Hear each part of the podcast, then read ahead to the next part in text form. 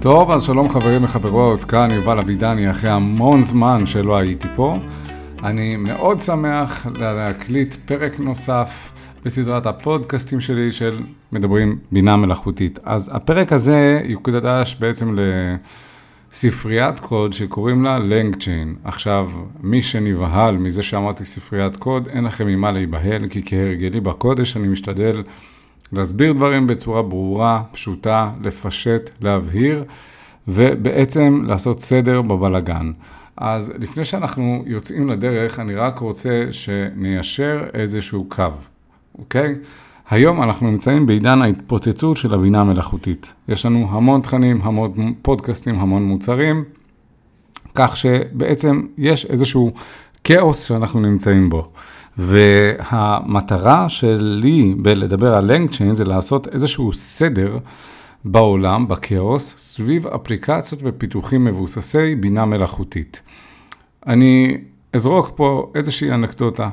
יצא לי לצפות בתוכנית הכרישים לפני כמה ימים, וחלק מהמוצרים שהוצגו בפני אה, אחד או יותר מהכרישים, מי שלא מכיר את הכרישים דרך אגב, זה איזושהי תוכנית של אנשים עמידים, בעלי הון, שבעצם יושבים באולפן טלוויזיה ומראיינים נקרא לזה, מקבלים את פניהם של כל מיני יזמים ויזמות ושומעים רעיונות ומחליטים האם להשקיע או לא להשקיע בפיתוחים כאלו ואחרים שיכולים לעזור כהשקעה ראשונית לחבר'ה, בתמורה כמובן לאחוזים מהחברה וכן הלאה. עכשיו, חלק מהמוצרים שהציגו, לפחות בפרקים שיצא לי לראות בימים האחרונים, היו באמת דברים שקשורים בצורה כזו או אחרת לבינה מלאכותית. עכשיו, הבעיה התחילה בעיניהם של הכרישים בכך שאנשים מציגים איזה שהם פתרונות, בין אם זה אפליקציות, בין אם זה אתרים, כל מיני מוצרים שאמורים לתת מענה לבעיות כאלו ואחרות, כאשר הם טוענים שהפתרון שלהם מבוסס בינה מלאכותית, ואז כאשר כריש טכני כזה או אחר שואל שאלה של, אוקיי, מה בעצם בינה מלאכותית במיזם שלך? אז בדרך כלל זה מתחיל ונגמר במשפט הבא, אני מתממשק למודל שפה גדול ו/או אה, לצ'אט GPT במקרה הנפוץ ביותר. ובעצם מה שזה אומר בעיני הכרישים, זה שיש פה איזשהו מישהו שכנראה לקח, לקח קטע קוד, וחיבר אותו לצ'אט GPT בצורה תכנותית, זאת אומרת פניות בקוד במקום להיכנס לדפדפן האינטרנט או לאפליקציה ושם לשוחח עם צ'אט GPT. ולכן ביניהם אין כאן איזשהו חידוש גדול, כי בסופו של דבר אמנם יש כאן קוד שמבצע איזושהי פעולה, אבל מודל השפה של צ'אט GPT בעצם הוא זה שמרים את המשקל הכבד, מה שנקרא באנגלית heavy lifting. עבורנו, ולכן אין כאן חוכמה גדולה, אין כאן המצאה, אין כאן אלגוריתם, אין כאן מודל שפה מיוחד, אין, יש כאן שימוש, חיבור, אינטגרציה בין קוד קיים לקוד שאנחנו כותבים. ולכן דבר כזה לא מצדיק השקעה כזו או אחרת. עכשיו, כשאני ראיתי את הדברים האלה, אז באיזשהו מקום הבנתי, הבנתי שזה המקום שאליו אותם אה, יזמים יגיעו, למחסום הזה. והיה לי מאוד מעניין לראות איך הכרישים מסתכלים על העניינים האלה, כמשקיעים. עכשיו, בואו נחזור רגע חזרה אלינו. היום אנחנו באמת נמצאים בעידן שיש לנו המון אפליקציות שהמכנה המשותף לכולם זה חיבור למודל שפה. עכשיו, אם אנחנו חוזרים בזמן שנה אחורה, אנחנו בעצם, לא, לא הייתה לנו את היכולת לחבר את הקוד שלנו למודל שפה. אני לא מדבר עכשיו על לכתוב קוד או ליצור אפליקציות או ליצור אתרים. באמצעות בינה מלאכותית, אלא פשוט לחבר, למשל ליצור צ'אט חכם שיודע להשיב כמו בן אדם, שזה מבחינתי מה שצ'אט GPT עושה. אנחנו יכולים לדבר איתו והוא משיב לנו בצורה אנושית, יש לו המון ידע והוא משיב על בסיס הידע שלו, זה, זה בגדול, כן? יש, אפשר לרדת לזה הרבה יותר לעומק ולהבין שזה בעצם ביטויים מתמטיים כאלה ואחרים, אבל לא ניכנס לעניינים האלה, מבחינתנו אנחנו מדברים עם מודל שפה גדול, אגב, זה נקרא מודל שפה, כי מודל זה פשוט מודל, משהו שיצרו, אוקיי, נפשט את הדברים כמה שיותר. חברת OpenAI פיתחה מודל אה, שקראו לו GPT, Generative Pre-Trained Transformer. זה מה ש-GPT אומר, תכף אני אסביר מה זה אומר, ו-Chat GPT זה בעצם אומר היכולת שלנו לנהל שיחה, צ'אט, לצ'וטט עם GPT. זה המשמעות של צ'אט GPT. לכן, במקביל לצ'אט GPT, שהוא מודל שפה, למה שפה? כי הוא בעצם התאמן על טקסטים, והוא יודע לקרוא שפה, והוא יודע לענות לנו בשפה. נדבר איתו בעברית, הוא יענה בעברית, נדבר באנגלית, יענה באנגלית, על כל השפות שבה הוא התאמן, הוא יודע להשיב. לא, לא משנה כרגע האיכות של התשובה. אבל זה מודל שפה. עכשיו, מודל גדול של שפה, זה אומר שהמודל הזה אומן על ידי דאטה גדול ועצום מאוד, ובאמת, אנחנו מדברים פה על כמות אדירה של מידע ש... OpenAI הזינו לתוך המודלים שלה ב-GPT, בטח ב-GPT 4, ואנחנו לא נרד לרזולוציות ולמספרים של על כמה בעצם אנחנו מדברים, אבל דמיינו שאתם בעצם, שאנחנו מאמנים על כמעט כל האתרי האינטרנט שקיימים בעולם, שזה המון. בכל השפות, בכל התחומים, זה, זה פשוט ים, אוקיינוס בלתי נגמר, אוקיי? עכשיו, OpenAI, מה שהם עשו, הם פיתחו מודל, שפה, מה שנקרא Natural Language Processing, עיבוד שפה טבעית, והשתמשו בטכניקה, ארכיטקטורה יותר נכון, שנקראת טרנספורמרים, אוקיי? זה ה-GPT, זה Generative, זאת אומרת, משהו שהוא יוצר משהו, זה נקרא בינה מלאכותית יוצרת, היא יוצרת לנו טקסטים. Generative, היא מחוללת טקסטים, יוצרת טקסטים. Pre-trained, טרנספורמר, זה אומר טרנספורמרים, תכף נסביר מה זה, Pre-trained זה שאומנו מראש, זאת אומרת, יש לנו... טרנספורמרים שאומנו מראש, שהם ג'נרטיב, שהם יודעים לייצר לנו טקסטים, אוקיי? זה המשמעות של GPT. עכשיו, pre-train טרנספורמר, תחשבו על הטרנספורמר עכשיו כפשוט איזושהי ישות שיש לה יכולת להסתכל על טקסט ולהבין מתוכו איזה מילים צריך לתת להם את המשקל הגדול ביותר. זאת אומרת, הטרנספורמר בעצם יודע לתת תשומת לב, attention מה שנקרא, למילים מסוימות מתוך מילים אחרות, מתוך משפטים. וכך בעצם הוא יודע לתת משקל גדול יותר למילים. דמיינו שעכשיו אני ואתם מדברים, ואתם לא בקשב רב לכל אות או לכל מילה שאני אומר, אלא אתם מצליחים לזהות לאיזה מילים אתם צריכים להקשיב בריכוז ובקשב רב יותר, ולאיזה מילים פחות.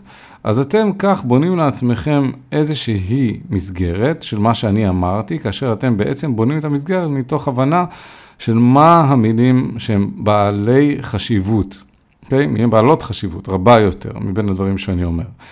וזה בעצם מה שהטרנספורמרים יודעים לעשות, וזה מתבסס על איזשהו מאמר אי שם משנת 2017 שחברו אליו, שחיברו אותו חבר'ה מגוגל בריין, שזה תמיד יפתיע אותי איך גוגל היו בחזית הטכנולוגיה לפני הרבה מאוד שנים בכל מה שקשור ל machine learning ול-AI, ועכשיו בעיניי הם פשוט קורסים קריסה טוטאלית עם כל המוצרים שלהם, שזה הזוי. לא מצליח להבין את העניין הזה, אבל ככה זה עובד. ואגב, המודל שלהם, מודל השפה של גוגל, ש, ש, שנקרא לו ברד, או אמרנו איזה מודל אחר שמבוסס PaLM וכאלה, לא ניכנס לפרטים הטכניים, אבל בעיקרון, ברד זה המקביל של צ'אט GPT פשוט של גוגל, אני קורא לו ברד, כי ברד זה בשפת העם. המזרחית אה, מסמל משהו כבד, לא זז, הוא, הוא ברד, ככה אומרים, על מישהו שהוא נורא כבד כזה, וברד הוא לא שהוא כבד, הוא פשוט לא... באמת, אני, אני לא יכול להגיד שאני לא אוהב אותו, אני פשוט, הוא, הוא מאכזב פעם אחר פעם, אז הנה, אני אפילו אני התייאשתי ממנו לחלוטין, אפילו לא מנסה את הפיצ'רים של גוגל החדשים, אני כל כך מיואש מהם. פייסבוק, לעומת זאת, אני עף על המוצרים שלהם. אוקיי, זה, זה ככה בקטנה. עכשיו, מה שבאתי להגיד זה שברד הוא המקביל של צ'אט GPT, אוקיי? אה, פשוט מודל של גוגל השתמשו בו. עכשיו, גם ברד מבוסס על טרנספורמרים, אמרנו שב-2017 צוות של גוגל בריין כתב בעצם נייר, מחקר, פרסם מחקר, מה שנקרא, שמתאר ארכיטקטורה מסוימת של טרנספורמרים. לא ניכנס לפרטים הטכניים של העניינים האלה, אנחנו רק צריכים להבין שמה שהמחקר הראה, הוא שיש לנו יכולת להשתמש בלמידת מכונה, Machine Learning, כדי לקבל, לקחת טקסטים, לנתח אותם, אבל לנבא את הטקסט הבא על בסיס תשומת לב, attention, למילים מסוימות בטקסט שאנחנו קוראים. כמו שאמרתי, אם אני אקח ספר, אז אני אדע לתת משקל למילים מסוימות על פני מילים אחרות ולתעדף אותן, ומהן להסיק את המסקנות שלי. וזה בעצם אפשר למודלים של למידת המכונה לפרוץ הלאה. כי הפריצה הגדולה של OpenAI הייתה באמת מכך שהיא מימשה את הפתרונות האלה, את הארכיטקטורה הזאת, אמנם זה מחקר שפורסם ב-2017, ואנחנו מכירים את ChatGPT מסוף 2022, חלפו אלו שנים, חמש שנים, אולי פלוס ליתר דיוק, אה, עד שהמודל הזה אכן ייושם בפועל, אבל הוא בעצם שינה את החיים שלנו, כי אנחנו רואים באמת את העוצמה שלו, היכולת לתת attention למילים מסוימות. עכשיו, מה שגוגל עשו אגב, בניגוד ל-OpenAI, זה הם לקחו את המודל של הטרנספורמרים, אבל בתהליך שבו הם מסיקים מסקנות על מילים, בניגוד ל-OpenAI שמסתכלים על מילים ועל המשמעות שלהם, גוגל עשו את זה באמצעות מה שנקרא embedding, זה המרה של המילים לאיזה שהם מספרים. לא ניכנס לכל העומק של הסיפור הזה ב-AI, זה משהו נורא טכני שאפשר לצלול אליו בלי סוף, אבל באופן עקרוני, גוגל פשוט מבצעים את השימוש בטרנספורמרים בצורה מספרית אחרת, ונותנים משקל לכל מילה ומסתכלים על המשקל של המילה, אל מול OpenAI שפשוט מנסים להבין משמעות של המילים עצמם. והם הצליחו הרבה יותר, ולכן בר נכשל, אני לא אוהב להגיד נכשל, פשוט לא הצליח, ו-OpenAI מאוד מאוד הצליחו. עכשיו, זו הייתה הקדמה על מודלים של שפה, מודלים גדולים של שפה, אוקיי? ומה שאותי מעניין, זה אחרי שאנחנו מבינים את העניינים האלה, ואנחנו מבינים שמודלים גדולים של שפה יודעים בעצם לנבא לנו טקסט, זאת אומרת, אנחנו יכולים עכשיו להאזין לתוכם, לשאול אותם שאלות ולקבל תשובות. אז אנחנו נתקלים בבעיות מסוימות, כמו מה אורך השאלה שאנחנו יכולים לשאול את מודל השפה וכמה הוא יודע לענות לנו, במילים אחרות מהזיכרון שלו. ובאמת לכל מודל שפה יכול, אה, יש קיבולת, זיכרון, קלט שהוא אחרת, שונה. יש מודל שפה שיכול לקבל 4,000 טוקנים, זה נקרא בז'רגון המקצועי. טוקנים מבחינתנו, בואו נעשה את זה הכי פשוט שיש, ונניח, אוקיי, שאנחנו משתמשים באנגלית, ונניח שכל מילה היא טוקן, אוקיי? זו ההנחה הכי פשוטה שיכולה להיות, זה לא מדויק, אבל רק לשם הדוגמה וההבנה שלנו. אז נניח שאנחנו יכולים להזין טקסט של עד 4,000 מילים, 4,000 טוקנים, אוקיי? אה, יכול להיות שיהיה לנו ספר, יכול להיות שיהיה לנו חוברת שאנחנו נרצה להזין למודל ולשאול שאלות על המודל. אם היא, הספר, החוברת, הם יותר מ-4,000 מילים, אז אנחנו תקועים. כי אם אנחנו ממלאים את הזיכרון של המודל, אז מה, איך אנחנו יכולים לשאול שאלות? כי הרי אם אנחנו נעבור את ה-4,000 מילים, אז אנחנו נתחיל לדרוס את הזיכרון, ואז הוא, בעצם המודל יתקדם איתנו, ויתחיל למחוק את מה שהוא זכר בהתחלה, ולכן מה שאנחנו נשאל, ידרוס את מה שהוא כבר זוכר. והוא בעצם, ככה הוא שוכח. אז כשאנחנו נשאל שאלות על טקסטים גדולים, אנחנו בעצם נהיה בבעיה. זה המודל של 4,000, יש מודלים של GPT-4 של 8,000 טוקנים, ומי שיש לו גישה למודלים מורחבים יותר, כמו GPT 3.5 של 16,000 טוקנים, או ב-GPT-4 של 32,000 טוקנים, זה כבר כמויות מאוד נכבדות, לא לכולם יש גישה, או מי שעובד עם קלוד. קלוד הוא מדהים כי יש לו קונטקסט, הקשר של 100,000 טוקנים. דמיינו 100,000 מילים לצורך העניין, זה הרבה פחות, אבל... אבל זה, זה, בוא נגיד לצורך הדוגמה שזה באמת 100 אלף מילים, 80 אלף מילים, זה המון. אנחנו יכולים לנהל שיחה קולחת, לתת מסמכים, לשאול שאלות. כמובן שאנחנו נשלם על העניין הזה, כי אנחנו משלמים על טוקנים שאנחנו משתמשים בהם בקריאות כאלה, אבל אני רוצה רק שנבין את הרעיון שמאחורי כל הסיפור הזה של מודלים גדולים של שפה, ותכף נסביר איך זה קשור ללנג צ'יין. אז ברגע שהבנו שיש לנו מודלים שאנחנו יכולים לשאול אותם שאלות ולקבל תשובות, אז אנחנו יכולים להכניס עולמות של בוטים. שאנחנו יכולים פתאום להרים בוט ולבנות בוט ולחבר אותו למודל שפה, לתת לו איזשהו קונטקסט, איזשהו הקשר ולשאול אותו שאלות. כיוון שהמודל שפה הוא מאוד חכם והוא יודע לנבא, לקלוט גם יודע לענות טוב מאוד בעברית, אז אנחנו יכולים פשוט לתת לו טקסטים או ליצור איזושהי שיחה, למשל, אני בניתי בוט, ואני רוצה לתת שירות לאיזשהו לקוח, הלקוח מדבר עם הבוט שלי, והבוט שלי ברקע למשל רץ על קלוד, זאת אומרת, יש לו זיכרון עכשיו של 100 אלף מילים, לצורך ההדגמה, אז הלקוח שלי מתחיל לדבר איתו, שלום, שמי אבי, אני גר ברעננה, ואני לקוח שלך, ויש לי שאלה לגבי מוצר כזה או אחר. אז אני יכול מאחורי הקלעים לחבר את הבוט שלי למאגרי מידע שכבר קיימים אצלי בעסק, ולמודל שפה. כך כאשר אבי ישאל אותי שאלות לגבי שירותים מסוימים, ובהנחה שאני מכיר את אבי כי הוא קיים אצלי במערכת, אני מבצע איזשהו עימות קודם, אז אני יודע גם להתייחס לדברים שקשורים לאבי. אוקיי? יש לי זיכרון שאני בונה אותו, ואני מבין שאבי הוא לקוח שלי, אני מבין מה המוצרים שהוא משתמש בהם, אני יודע מה החשבוניות שלו, ואם הוא שואל אותי שאלות, אז אני אענה לו באופן כללי גם על המוצר, כי אני נותן למודל שפה שלי רקע מאחורי הקלעים על המוצר שלי. ואני נוגס בעצם בקונטקסט. כל פעם שאני מגדיר משהו למודל שפה, אני נוגס בכמות של הזיכרון שלו. זאת אומרת, אם יש לו זיכרון של 100 אלף אה, מילים שהוא יודע לזכור, ואני ניצלתי 20 אלף מילים כדי לספר לו על המוצר שלי, אז ככל שאני נותן יותר ידע, אני נוגס בעצם בזיכרון שלו. וכשאבי מתחיל לדבר איתו, אז גם הוא נוגס לו בזיכרון, וככה אנחנו מתקדמים בשיחה. ככל שהשיחה תהיה ארוכה יותר, יש לנו סכנה גדולה שאנחנו נגיע למכסה של הטוקנים.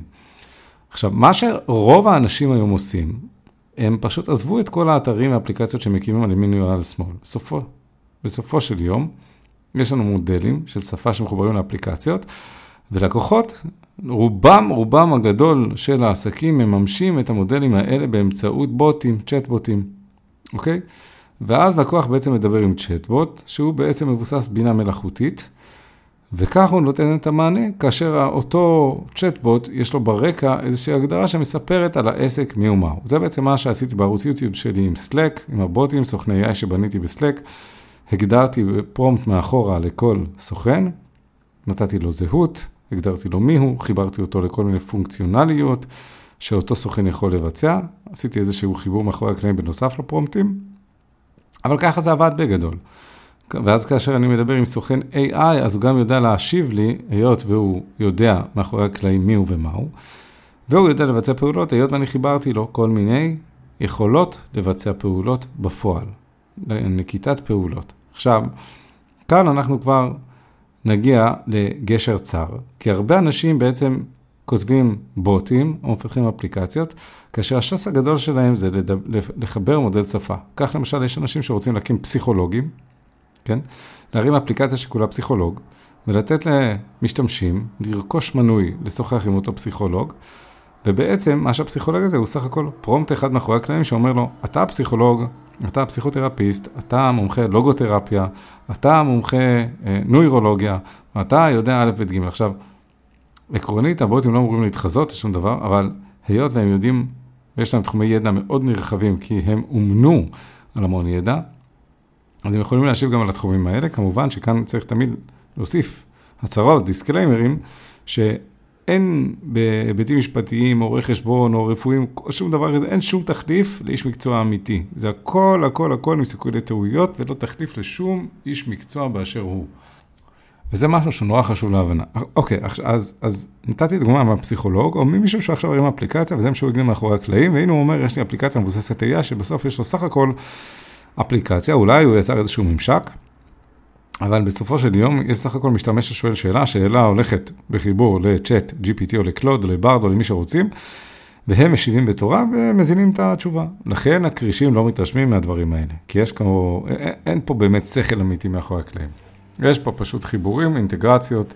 כישורים בין משתמש ל-chat GPT בצורה אחרת, ארוזה ועטופה אחרת. תחליפו את הפסיכולוג עכשיו במאמן, בקואוצ'ר, תחליפו אותו במהנדס, תחליפו אותו במתכנת, תחליפו אותו בצייר, תחליפו במה שאתם רוצים. ככה זה עובד וזה מה שכולם עושים, במקרה הטוב. יש עוד המון אפליקציות ואתרים שפשוט אומרים שהם מבוססים AI ואין לנו שום מושג מה ה-AI שהם מחוברים אליו, כי הם הרוב בעצם משתמשים במודל שפה, בין אם זה לצ'אטים או בין אם זה פשוט, אתם יודעים, אתם רוצים לייצר תמונה, אז אתם כותבים מה התמונה שאתם רוצים. מאחורי הקלעים הוא הולך ל-OpenAI, ל-Chat GPT, נותן לו את הטקסט שהמשתמש הזין, מקבל מ-Chat GPT תיאור יותר מדויק, ומשתמש מאחורי הקלעים בקוד וכל הלוגיקה הזאת. אבל גם כאן הוא לא עושה שום דבר חוץ מלפנות למודל שפה, אוקיי? השלב השני יהיה, כאשר אנחנו ניקח את התשובה ממודל השפה וניצור, נשתמש בה לטובת הקמת אה, פעולות מסוימות. וכאן אנחנו נדבר כבר על אקשן. אז אני רק רציתי להרים דגל כדי שנבין שכאשר האפליקציות טוענות שה, או מתיימרות לומר שהן מבוססות AI, צריך להבין האם מדובר רק באיזשהו מודל שפה, ואם זה מודל שפה, אם זה מודל שפה שהם בעצמם פיתחו, ממש ירדו לרשתות נוירונים ואימנו מודלים וליקטו דאטה, או שמשתמשים ב-API, מה שנקרא אה, חיבור. מי שלא בא מעולם התכנות, אז API הכוונה שלי לחיבור תכנותי באמצעות קוד, למנוע כזה או אחר, כמו ChatGPT, קלוד, בארד וכדומה. אה, אז אם זה מה שהם עושים, אז אחלה, אנחנו מבינים למה זה AI. אבל אם פתאום מתחילים לפרסם כתבות שטנקים הגנו על גבולות באמצעות AI, צריך להבין למה טנקים, מה הקשר בין טנקים לבין AI? מה, מה מודל שפה הגן? איך מודל שפה יכול להגן? להרים, להתחיל להיות עם ביקורת. עכשיו, זה AI. באופן עקרוני זה מה שכולם חושבים עליו. יש מטריה שלמה שנקראת, ש, שהיא בעצם ה-AI, ותחתיה יש קטגוריות שלמות של Machine Learning, למידת מכונה, שזה בעצם העומק של ה-AI. ולכן יש גם עוד קטגוריה בתוך Machine Learning שנקראת Deep Learning, למידת עומק. כי בעצם היכולת לנסות לחקות באיזשהו מקום את המוח האנושי, ליצור רשתות נוירונים, אז רשתות של אה, חיבורים בין אלגוריתמים כאלה ואחרים, ביטויים מתמטיים כאלה ואחרים, כדי לנבא וליצור דברים מאוד חכמים. אבל באופן עקרוני, כאשר אנחנו מדברים על AI, אז צריך להבין האם מדובר במודל שפה, או שהאם מדובר בעצם ממש במודל אמיתי, מתמטי, שיודע לנבא תחזיות. למשל, אם אני לוקח דירה מסוימת ונותן את מספר החדרים, אז אני רוצה לדעת מה המחיר. אז אני יכול ליצור איזשהו ביטוי מתמטי, ואני יכול לקחת, לקט לי מידע של כל הדירות שנמכרו, מספר הגודל שלהם, והמחיר שבו הם נמכרו.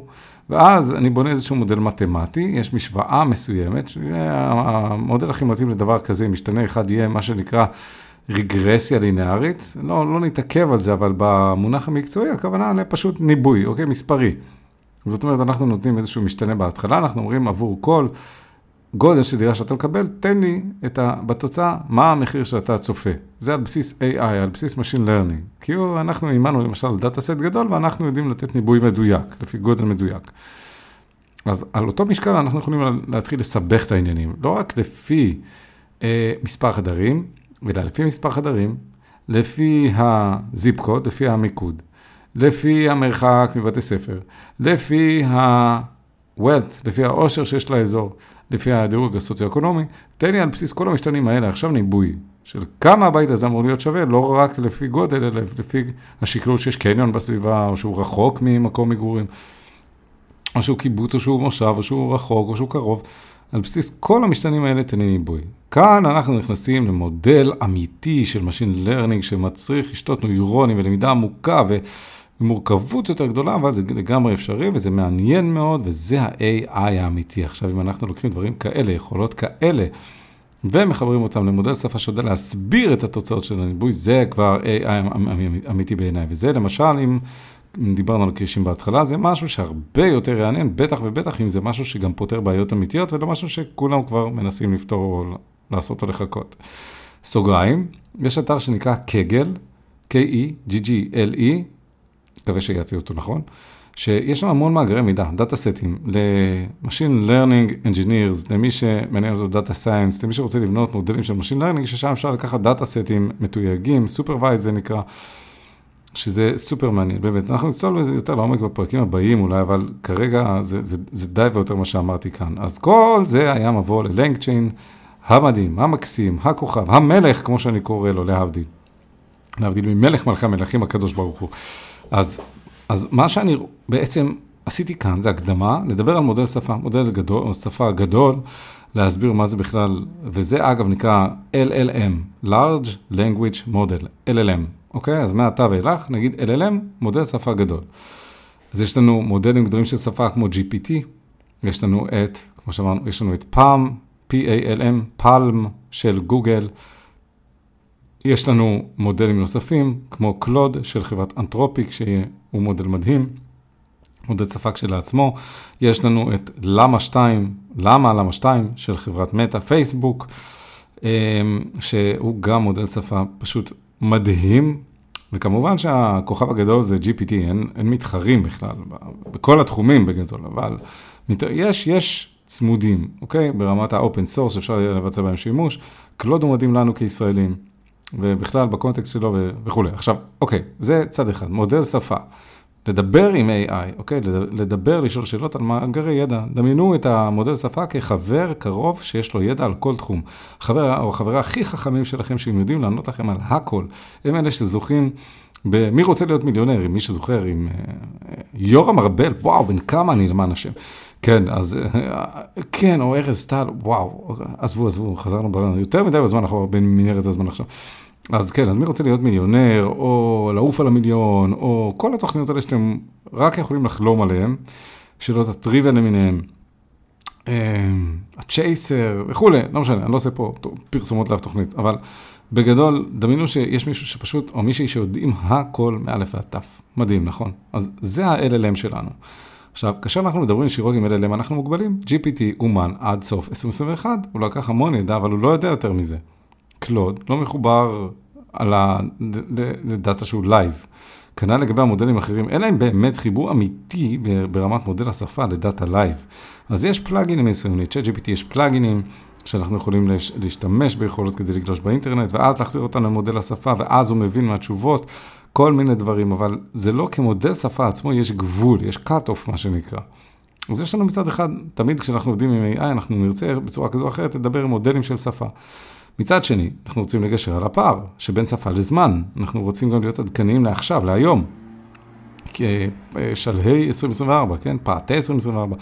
אנחנו מתקרבים בצעדי ענק, אז אנחנו צריכים להיות מעודכנים למה שקורה היום, לטכנולוגיות חדשות, התחום הזה מתפוצץ, אנחנו חייבים לשמור על הקצב. איך אנחנו עושים את זה? אז נכון ש-ChatGPT פיתחו כבר, OpenAI יותר נכון, פיתחו פלאגינים, ואנחנו יכולים להשתמש בהם. יש את ברד לכאורה שמחובר לאינטרנט, הכל אצלו לכאורה. יש את uh, קלוד שלא מחובר לאינטרנט, אבל הוא מחרטט כאילו הוא נמצא עכשיו, הוא, הוא, הוא, קלוד, אני קורא לו, אתם יודעים, קלוד, זה נשמע תמיד צרפתי. מה הצרפתים אוהבים לשתות הכי הרבה? יין. מה יין עושה? נכנס יין, יצא סוד, הוא ממסטל את האנשים. עכשיו, האלכוהול שקלוד, אני לא יודע, הוא לא צרפתי, אבל קלוד הצרפתי לכאורה שותה יין ומתמסטל, ואז הוא מדבר איתנו שטויות. הוא יכול לזרוק לנו הערות כמו, אה, אין בעיה, נקבע לך פגישה, עוד חצי שעה נתקשר אליך. הוא לא יתקשר אליך, הוא מחרטט אותך חופשי. אז צריך להיזהר מאוד מקלוד בעניינים האלה, להגדיר לו טוב טוב את הפרומטים שלא יחרטט. אבל זה המודלים של שפה, הם מאוד מוגבלים. עכשיו, אם אנחנו רוצים לפתח אפליק... אפליקציות עוצמתיות, אתרי אינטרנט או אפליקציות באמת עם עוצמה, אנחנו צריכים שיהיה להם חיבור באמת לדאטה אמיתי, אוקיי? אנחנו רוצים שיהיה להם חיבור לדאטה ארגוני. אנחנו רוצים אולי לבחור איזה מודל שפה אנחנו רוצים. למה לעבוד אוטומטית עם OpenAI? למה לא לעבוד עם למה 2 שהוא open source, שהוא חינמי ואפשר להשתמש בו לוקאלית על מחשב חזק? למה לא לעבוד עם מודלים אחרים בכלל? מי אמר שצריך ללכת על ה top? אם משלמים עליו כסף. כשאנחנו מפתחים גם יש צריכה, ככל שישתמשו בו יותר נשלם יותר, למה שנרצה לעשות את זה בהכרח? אז יש לנו מודלים של שפה, יש לנו את הרצון להיות עדכניים. נוסיף עכשיו לכל זה יכולות של סוכנים ממש. זאת אומרת, דמיינו שבמקום לדבר רק עם סוכן, נגיד עם ChatGPT, בוא נקרא לו סוכן, אוקיי? הוא סוכן, אנחנו פונים אליו. הוא הסוכן מוסד שלנו, שיודע לענות על הכל. אז במקום לדבר עם סוכן אחד, שיודע רק לענות לנו על שאלות, למה שלא ניתן לסוכן הזה גם ארגז כלים ונגיד לו, תשמע חבר, בכל פעם שאני מדבר איתך, ותנסה לזהות במה שאני שואל אותך, האם אני מנסה להניע בעין, כמובן, אותך לפעולה מסוימת. זאת אומרת, אם אני אומר לך לקבוע פגישה, תקבע פגישה. אם אני אומר לך לשלוח מייל, תשלח מייל. אם אני אומר לך להכין לי גרפיקה, תכין לי איזשהו image. אם אני אומר לך אפילו לתת, לתת לי קטעי קוד, לבצע code review. אם אני אומר לך עכשיו ברמת. ה performance review שלי כמנהל אה, צוות, אוקיי? תן, תן לי חוות דעת על מה שאתה קורא פה. אם אני אומר לך כמשפטן, תן לי איזה ייעוץ משפטי, תן, תן לי קישורים, תכתוב לי טקסטים. אני אומר לך את כל הדברים האלה, תזהה מה שאני אומר, את הפעולות שאני מנסה לתת לך, ואתה בעצמך תבצע אותם. וואו, אוקיי, זה נשמע כבר הרבה יותר מורכב. אז יש לנו פלאגינים, אבל אנשים כתבו את הפלאגינים, כמו שאני בעצמי כתבתי פלאגין. ל-OpenAI בהתחלה, בהתחלה כשרק נתנו גישות למפתחים. ורציתי לדעת איך זה קורה ואיך זה עובד. עשיתי את זה. אבל הסיבה שאני אומר את זה, היא כי בתור מי שפיתח פלאגינים של האקיט, ווב סקאנר, אז אני בעצם מבחינתי רוצה גם להבין איך אני יכול לרתום, איזה כלים יש לי כדי לבנות אפליקציות באמת עוצמתיות. וכאן אני רוצה סוף סוף להגיע לנקודה של Lang Chain. Lang Chain מורכב מהמילים language chaining. אנחנו בעצם לוקחים language, שפה, LLM, ואנחנו אה, יוצרים שרשרת חוליות, chains. דמיינו, שרשרת של חוליות, כמו אנחנו עכשיו בעיצומו של חג הסוכות, יש תמיד את הקישוט הזה שהם חוליות שתולים בסוכה, חוליה בתוך חוליה בתוך חוליה, צבעונית, מנייר. אז קישוט כזה, chains, ממש שרשרת. עכשיו, הסמל שלו הוא גם תוכי, תוכי, כי ידוע שתוכי הוא מדבר, נכון? יש תוכים שכאילו יכולים לחכות קול ולענות בקול וכאלה, אז language, language chaining, אה, תוכי עם שרשרת. עכשיו, בואו ניקח את הצעד קדימה עכשיו, ונדבר עכשיו לעומק על מה זה language. אחרי שכל ההקדמה שלנו של מה זה LLM ומודלים של שפה, וה-chat GPT פלאגינים, ומה כל הדברים האלה אומרים, אם אנחנו נארוז יפה יפה את כל מה שאמרנו עכשיו, סוף סוף הגענו לחבילה, וכשאני אומר חבילה אני מתכוון לספריית קוד שפיתחו עבורנו, שהיא חינמית ואפשר להשתמש בה, שנקראת LangChain, אפשר להוריד אותה בשפות פייתון או JavaScript, הספרייה של פייתון היא יותר עשירה, עשירה בעין כמובן, יש בה עושר, יש בה המון פונקציונליות, המון כלים, אבל היכולת האדירה של LangChain לעזור לנו, היא בעצם לבנות אפליקציות, כשאני אומר אפליקציות אני מדבר למובייל, אבל גם לווב, אוקיי? שיהיה ברור. מבוססות AI גם ברמת ה-LLM, שאנחנו יכולים ממש לבחור עם איזה LLM אנחנו רוצים לעבוד, אבל גם ליצור סוכני AI חכמים, שכמו שאמרנו, יכולים לחבר את השפה שלנו, את התשאול שלנו, את הפעולות שאנחנו נבצע באפליקציה, בין אם זה קלט מהמשתמש בצורת טקסט, או בין אם זה אה, אוטומציות שאנחנו רוצים להריץ בצורה כזו או אחרת.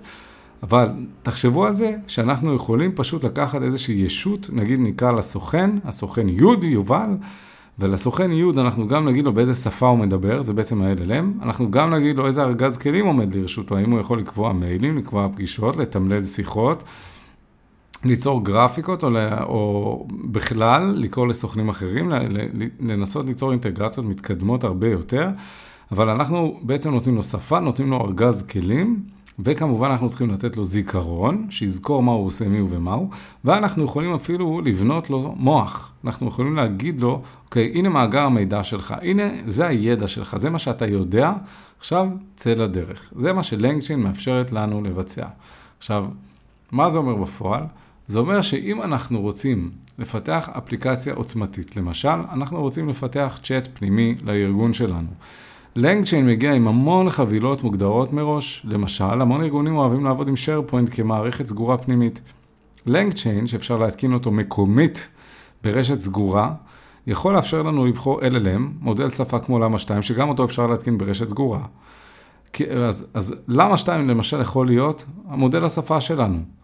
ואנחנו יכולים לקחת עכשיו מסמכים ארגוניים, בין אם זה משרפוינט, בין אם זה מכוננים, בין אם זה קבצים, למשל אם אנחנו בונים צ'אט שהוא מיועד אך ורק לעובדי HR, שמחובר, שאותו צ'אט, צ'אטבוט מחובר למסמכים של עובדים, לחוזים שלהם, ואנחנו כנציגי HR יכולים לפנות לבוט שלנו ולשאול שאלות על המועמדים, לא על המועמדים, על העובדים, להבין את הסטטוס שלהם, אה, לנסות לקבל נתונים, מידע, גרפים, חתכים.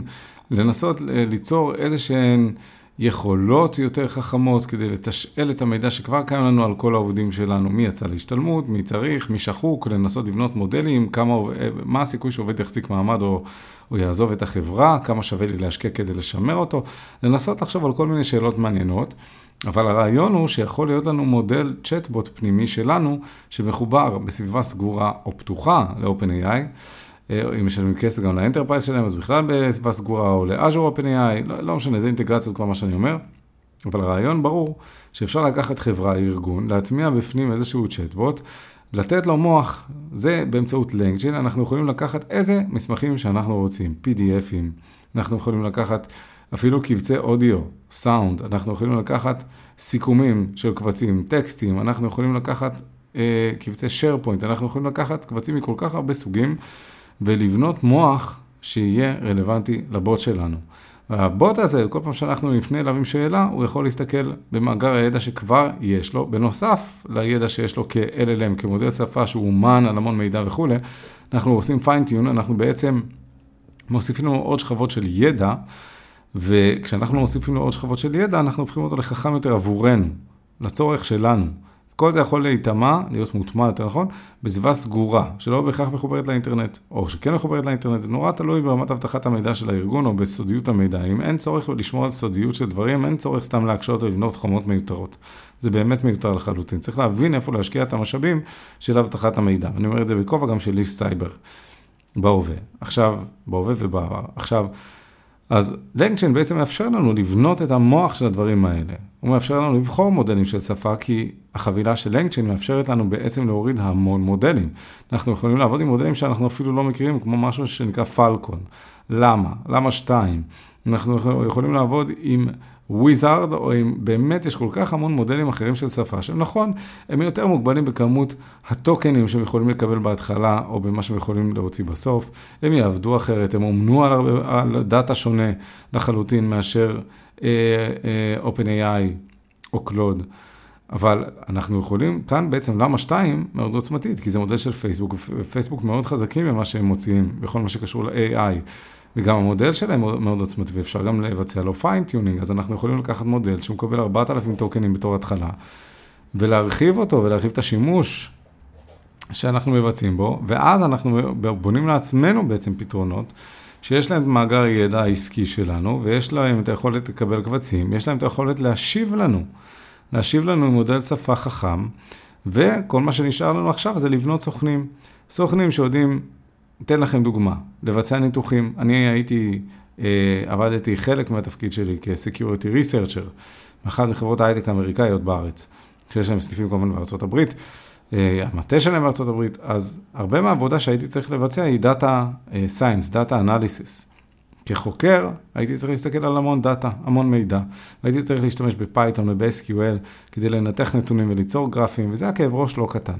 היום LangChain מגיע עם סוכן AI שנקרא Pandas, ו-Pandas זה חבילה של Python שמבצעת המון חיתוכים, המון חישובים, ואנחנו יכולים להשתמש בסוכן הזה. ובעצם בסוכן יותר נכון של הבוט HR למשל, שלא יודע למה הלכתי על HR, אבל נגיד בוט HR, אני יכול לתת לו יכולת, סט כלים של פנדז, זאת אומרת של חיתוך וניתוח נתונים, ואז כל פעם שאני אשאל אותו שאלות שקשורות לנתונים, הוא אמור לדעת שיש לו יכולת של ניתוח נתונים, הוא מפעיל את היכולת הזאת כשצריך, והוא מחזיר לי את התשובות שלי בגרפים, במספרים, בניתוח נתונים, על אותו משקל יש לנו כמות עצומה ואדירה של, אה, של סוכנים. אז אם אני צריך באמת לסכם בגדול את לנגצ'יין, ממש בראשי פרקים, ואני ממש שוקל לפתוח עליו קורס שלם, כי יש endless דברים שאפשר ליצור איתו, אז אני כן הייתי רוצה שתדעו שיש את האתר python.langchain.com, ששם כל הדוקומנטציה של כל התיעוד של איך לעבוד עם LangChain ואיך להשתמש בו, בעצם מופיע ברמת הפיתוח למתכנתים. ומי שלא מפתח ולא מתכנת, אז תדעו לכם שיש המון אפשרויות. אתם יכולים אולי להיעזר במי שכן מבין בדברים האלה.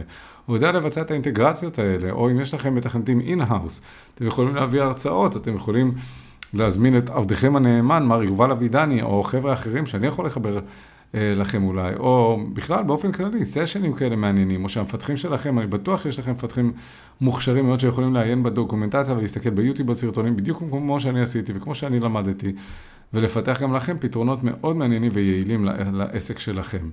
אז לנגצ'יין באופן אה, כללי, יש תיעוד מאוד מסודר ויש אפילו כל מיני use cases למשל. רוב ה-use cases יכולים להתאפיין בהתחלה בתור צ'טבוטים.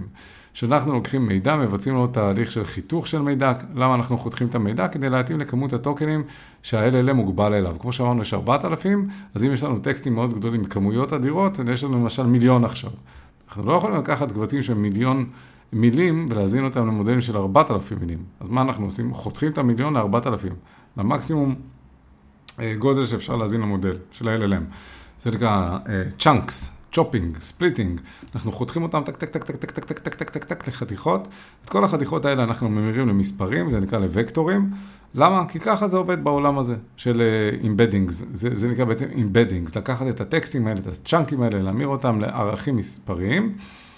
לא להיכנס לטכניקה, למכניקה שזה, אפשר לצלול לזה בפרקים אחרים, אם זה מעניין אתכם תגידו, אבל ברעיון הטקסט הופך למקטעים קצרים שהופכים למספרים שנשמרים באיזשהו בסיס נתונים וקטורי, אה, מלשון וקטור, מספרים, רשימה, תחשבו על זה פשוט כרשימה גדולה מאוד של מספרים, ואז בכל פעם שאנחנו נרצה לשאול את ה-LLM שלנו שאלה, אז נזין פרומפט, מה שנקרא, אז הפרומפט, השאלה שלנו תלך, תלך ל-LLM, והוא בזמנו ינסה, ינסה לבצע חיפוש סמנטי, חיפוש קרבה, הוא ינסה למצוא בקיצור ב-database הוקטורי המיוחד את התשובות לשאלות שלנו. בצורה סמנטית, ככה זה נקרא, גם לזה אני לא צולל עכשיו לעומק יותר מדי. זה דוגמה לצ'אט בוט, ככה הוא מוטמע בתוך ארגון. עכשיו, אם מה שאמרתי היה נשמע לכם מורכב מדי, מסובך מדי, אז אל תנסו להבין הכל על רגל אחת. גם אם הבנתם 50, 30, 20 אחוז מה שאמרתי, אתם כבר יודעים יותר ממה שידעתם לפני שהתחלנו את השיחה הזאת.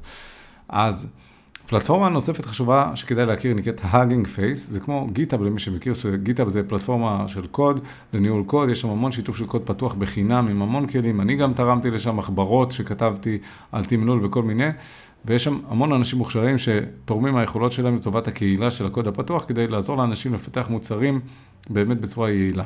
עכשיו, יש פלטפורמה שנקראת Hugging Face, שהיא מקבילה לגיטאב, אבל לא רק בקוד, אלא בכל מה שקשור לעולם ה-AI. אפשר להוריד משם מודלים שיכולים לעזור לנו עם כל מיני כלים שימושיים, אה, למשל Whisper של OpenAI, מודל התמלול של OpenAI, הוא נמצא שם ב-Hugging Face, הם העלו אותו לשם, כדי שכל מי שרוצה להתקין את המודל תמלול שלהם, טרנסקריפשן מה שנקרא, יכול לבצע את זה. הם העלו את זה ברוב טובם ל-Hugging Face. אז Hugging Face זה אחלה פלטפורמה, ולמה אני אומר את זה? כי אנחנו יכולים להתחבר ל-Hugging Face מתוך uh, Chain, להוריד מודלים, להתקין מודלים, לבצע embeddings.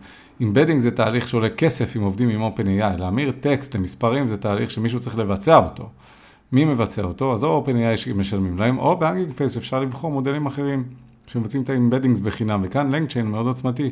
כשאנחנו מדברים על לבנות מאגר סוכן מסוים, ארגוני, עסקי, אנחנו צריכים לקחת בחשבון עלויות, ואנחנו לא נרצה כל הזמן לשלם, אוקיי? אנחנו נרצה לבחון גם פתרונות כמו שקיימים ב-Hugging Face, מודל embeddings של Instructor זה נקרא, ששם אנחנו יכולים אה, להשתמש בו, להיעזר בו, והוא מבצע את ההמרות האלה עבורנו, ואם נשתמש ב-Llama, אז אנחנו, מודל LLM Llama 2 של פייסבוק, אנחנו יכולים גם לתשאל מודל לוקאלי, ולא נצטרך גם לשלם על הקריאות האלה. אז התוצאות כנראה, יש איזה trade-off אל מול התוצאות, אבל הכל עניין של עלות מול תועלת ות, ותקציבים. אז עוד הפעם, אז LangChain יכול מצד אחד לתת לנו את העניינים האלה, כמו שאמרתי, הוא יכול לתת לנו דוגמאות של... Uh, מענה על שאלות באמצעות בוטים, הוא יכול לתת לנו את היכולת לבנות כל מיני אפליקציות חכמות של ניתוח נתונים. יש אנשים שרוצים לאפשר dashboard למנהלים, למשל. הם רוצים שמנהלים בכירים בחברה יוכלו לתשאל שאלות, את בסיס הנתונים בלי לדעת SQL. הוא אומר לו, תן לי את המוצרים שהכי נמכרו החודש, תן לי את הנציגים שהם מכרו הכי טוב, מי המנהלים המצטיינים באזורים שלנו, והכל מחובר ל-database. שיודע לגזור את התשובות לכל השאלות האלה בצורה מאוד מאוד חכמה. זה, זה עניין של שאלות שאלות ותשובות, או למשל דשבורדים, ובאמת השמיים הם הגבול עם כל מה שרק הדמיון יכול להוביל אותנו רחוק, רחוק מאוד. אנחנו יכולים למשל לעשות מה שנקרא Web Scraping, אה, להוריד מידע מאתרי אינטרנט, אמ, לזחול אתרים, לחלץ מידע, להשתמש בו, השמיים הם הגבול. אבל אני רוצה שתיקחו את לנגצ'ן כאיזשהו כלי שמאפשר לנו לבנות סוכן AI, דמיינו פשוט חבר, מאפשר לכם לבנות פשוט אדם, שאתם אלה שמתכננים איזה שפה הוא ידבר, זה ה-LLM, איזה ידע יהיה לו, זה מאגרי הידע, knowledge base שאתם יכולים לבנות לו.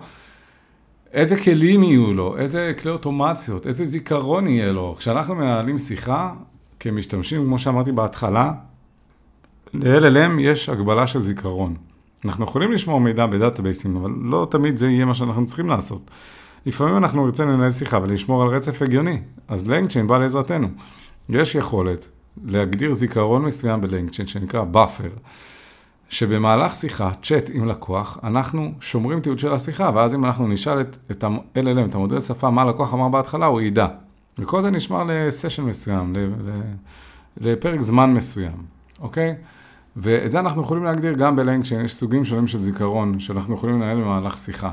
אז יש לנו יכולת של זיכרון ויש לנו יכולת סופר מעניינת שהיא באמת ליבת המערכת של LangChain, שהוא ארגז הכלים. זה הסוכנים, יש לנו מה שנקרא toolkits, יש לנו tools יותר נכון, יש לנו toolkits ויש לנו סוכנים. עכשיו, סוכנים ב-LangChain אני מתכוון שיש לנו יכולת לתשאל, לפנות למודלים של שפה, לתשאל אותם, להאזין פרומפטים, והסוכנים אמורים להבין את השאלה שלנו ולהשיב בהתאם. יש סוכנים שנקרא React, זאת אומרת, הם חושבים, ואז הם מגיבים, Reaction, אוקיי? יש להם Reaction. עכשיו, איך הם מגיבים? הם חושבים על השאלה. ממש מפרקים מאחורי הקלעים את השאלה שלנו, חושבים עליה ומנסים להבין מה התשובה. עכשיו, בלנקשן יש מה שנקרא Toolkits. Toolkits זה בעצם רשימה של כלים שאנחנו יכולים לתת לסוכנים שלנו כמו למשל לייצר קבצים, כמו למשל להבין קוד, כמו למשל להתחבר לפאוור BI, אה, לנתח נתונים, או כמו להפעיל, להתחבר לזאפייר, אה, מי שמכיר שזאפייר לבדו זה כלי שיכול להתממשק לאיזה 5,000 אפליקציות, כמו Zoom, Gmail וכל מיני כאלה. אה, וזה באמת השמיים הם הגבול, דמיינו שיש לכם ארגז כלים בלתי נגמר ורק אתם יכולים להחליט מה אתם רוצים שיקרה. למשל, אתם יכולים לתת גישה ל-YouTube. ואז אתם אומרים, אוקיי, לך לסרטון הזה, תסכם לי אותו, גישה לוויקיפדיה, תסכם לי אותו, גישה לכלים אה, שונים, כמו GitHub, כמו אה, Office 365, כמו Jira, למי שעובד בהייטק, למשל, עם, אה, עם כל מיני כלים. יש המון, המון יכולות לעבוד עם, עם פנדה, ובאמת, אתם יודעים, אני מסתכל עכשיו, תוך כדי שאני מדבר איתכם, על רשימת הכלים, וזה שמיים הם הגבול. יש פה API'ים של SceneX, לתיאור תמונות, כלי מדהים. יש לנו פה את Serp API, תחליף לגוגל, גם לחפש ב...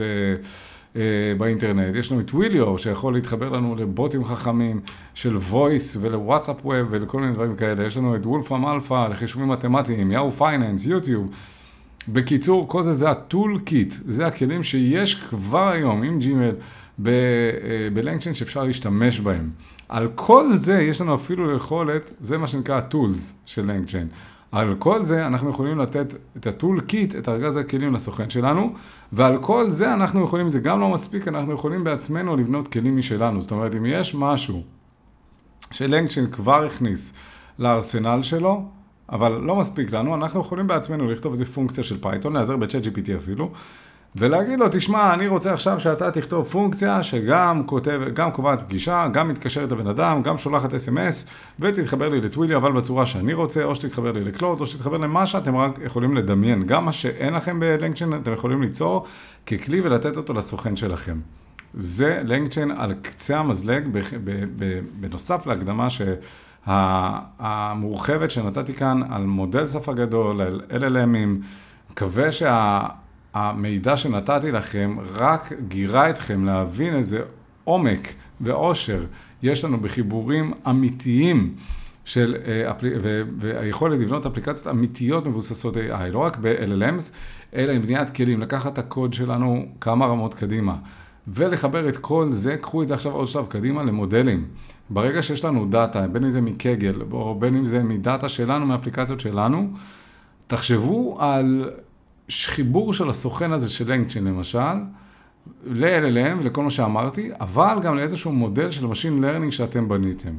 ואז נגיד אני צריך לתת עכשיו תשובה לבן אדם שפונה אליי, אני נותן לו לא רק על בסיס הפרומפט ולא רק על בסיס ה-embeddings של הטקסט שהוא מכיר, ולא רק על בסיס הידע של העסק שהוא מכיר, אלא על בסיס מודל חכם שאנחנו אימנו, עשינו training לאיזשהו מודל, והסוכן שלי יודע שלפני שהוא מחזיר תשובה ל-LLM, אז הוא בעצם מנסה לנבא את התשובה. סטטיסטית, מדעית, בדוקה, על בסיס משהו שאנחנו בעצמנו מנסים ורוצים לעשות, אוקיי? אנחנו בונים איזשהו מודל, מקבלים את השאלה של הלקוח, מתשאלים את המודל Machine Learning שלנו, AI לכל דבר, מחזירים את התשובה ואת הניבוי שלנו ל-LLM, וה-LLM מסגנן את התשובה מאוד יפה, כי זה כבר הפה, זה הדיבור, זה הדוברות שלו, והוא מחזיר את התשובה בצורה כזאת. זה כבר פתרונות שהשמיים, וואו וואו וואו, השמיים הם הגבול, אבל באמת זה כבר רמה אחרת של AI. לקחת את ה-Machine Learning ולא רק את ה-LLM, להוסיף את הכלים, להוסיף את היכולות ולהקפיץ את כל הדברים האלה 20 אלף רמות קדימה. אם נהניתם, אם יש לכם שאלות, אם יש לכם תגובות, אני משאיר את הקישור ללינקטרי שלי. לינקטרי זה קישור שיש בו קישור לכל הפלטפורמות שלי. אני עד היום הייתי באמת משתדל לענות לכל השאלות, אני זמין בקהילה, אני זמין בקהילות שאני מנהל, אני משתדל להשיב לכל אחד ואחת, גם אם לוקח לי זמן אני מתנצל, אבל בואו תיכנסו לפלטפורמות, תיכנסו, תהיו חברים בקהילות, תשאלו, יש לי ברוך השם, תודה לאל ותודה לכם על קהילה גדולה ואדירה וענפה של חבר'ה וחברות שעונים ומצטרפים ושואלים ועוזרים ומסייעים. ללא שום תמורה. וזה פשוט מדהים, וזה כיף גדול שאנחנו בונים קהילה שעוזרת ממש בפועל, אחד לשנייה, ואני אשמח שתעקבו אחריי ברשתות, ואני אשמח שתפרגנו. תנו מילים חמות, אה, תזמינו לבירה, תנו לי קצת את היכולת לשדרג את היכולות שלי, את הטכנולוגיות שלי, ליצור תכנים יותר מעניינים בתדירות יותר גבוהה ולהתעסק בזה, ולהשקיע בכם יותר ובתכנים יותר. ואם אתם רוצים, דבר איתי, להזמין אותי להרצאות. אם אתם רוצים להזמין לכנסים, אתם רוצים להזמין לאירועים, דברו איתי. אני כאן, אני בשבילכם, ואני רוצה לעזור לכם לקחת גם את הארגון שלכם, או גם את המוצר שלכם, את החשיבה שלכם לשלב הבא. אני אומנם עמוס בלא מעט פרויקטים, אבל אני יותר מאשמח לנסות לחשוב איתכם ביחד איך אפשר לעזור לכם לרתום את הטכנולוגיות, ולפחות מה שאני יודע, כדי לשתף מהידע שלי וגם אם אני לא זה שיבצע עבורכם את המשימות, אלא לעזור לכם לחשוב איך אתם יכולים לקחת את זה כמה שלבים קדימה ולהקפיץ את העסק שלכם הרבה שלבים קדימה. בין אם אתם קטנים, בינוניים, גדולים, מה שאתם רוצים, פרטיים, השמיים הם הגבול, אוקיי? הרעיון שלי הוא באמת לעזור ולכמה שיותר להפיץ את הבשורה הגדולה של ה-AI לכמה שיותר, ואני באמת מקווה שנהניתם מהפרק הזה. לקח לי קצת זמן להקליט אותו ואני אשתדל להקליט בתדירות גבוהה יותר. ואני אשמח מאוד לשמוע מכם. תודה רבה, ושיהיה לנו חג סוכות שמח. דבר אחרון, הודעה אחרונה, אנחנו היום בשלישי לעשירי, אני אגיד שב-17 לעשירי, 2023, אני מעביר הרצאה שתהיה עם תוכן טכני, ממש למתכנתים, בחברת מנקיטק בתל אביב.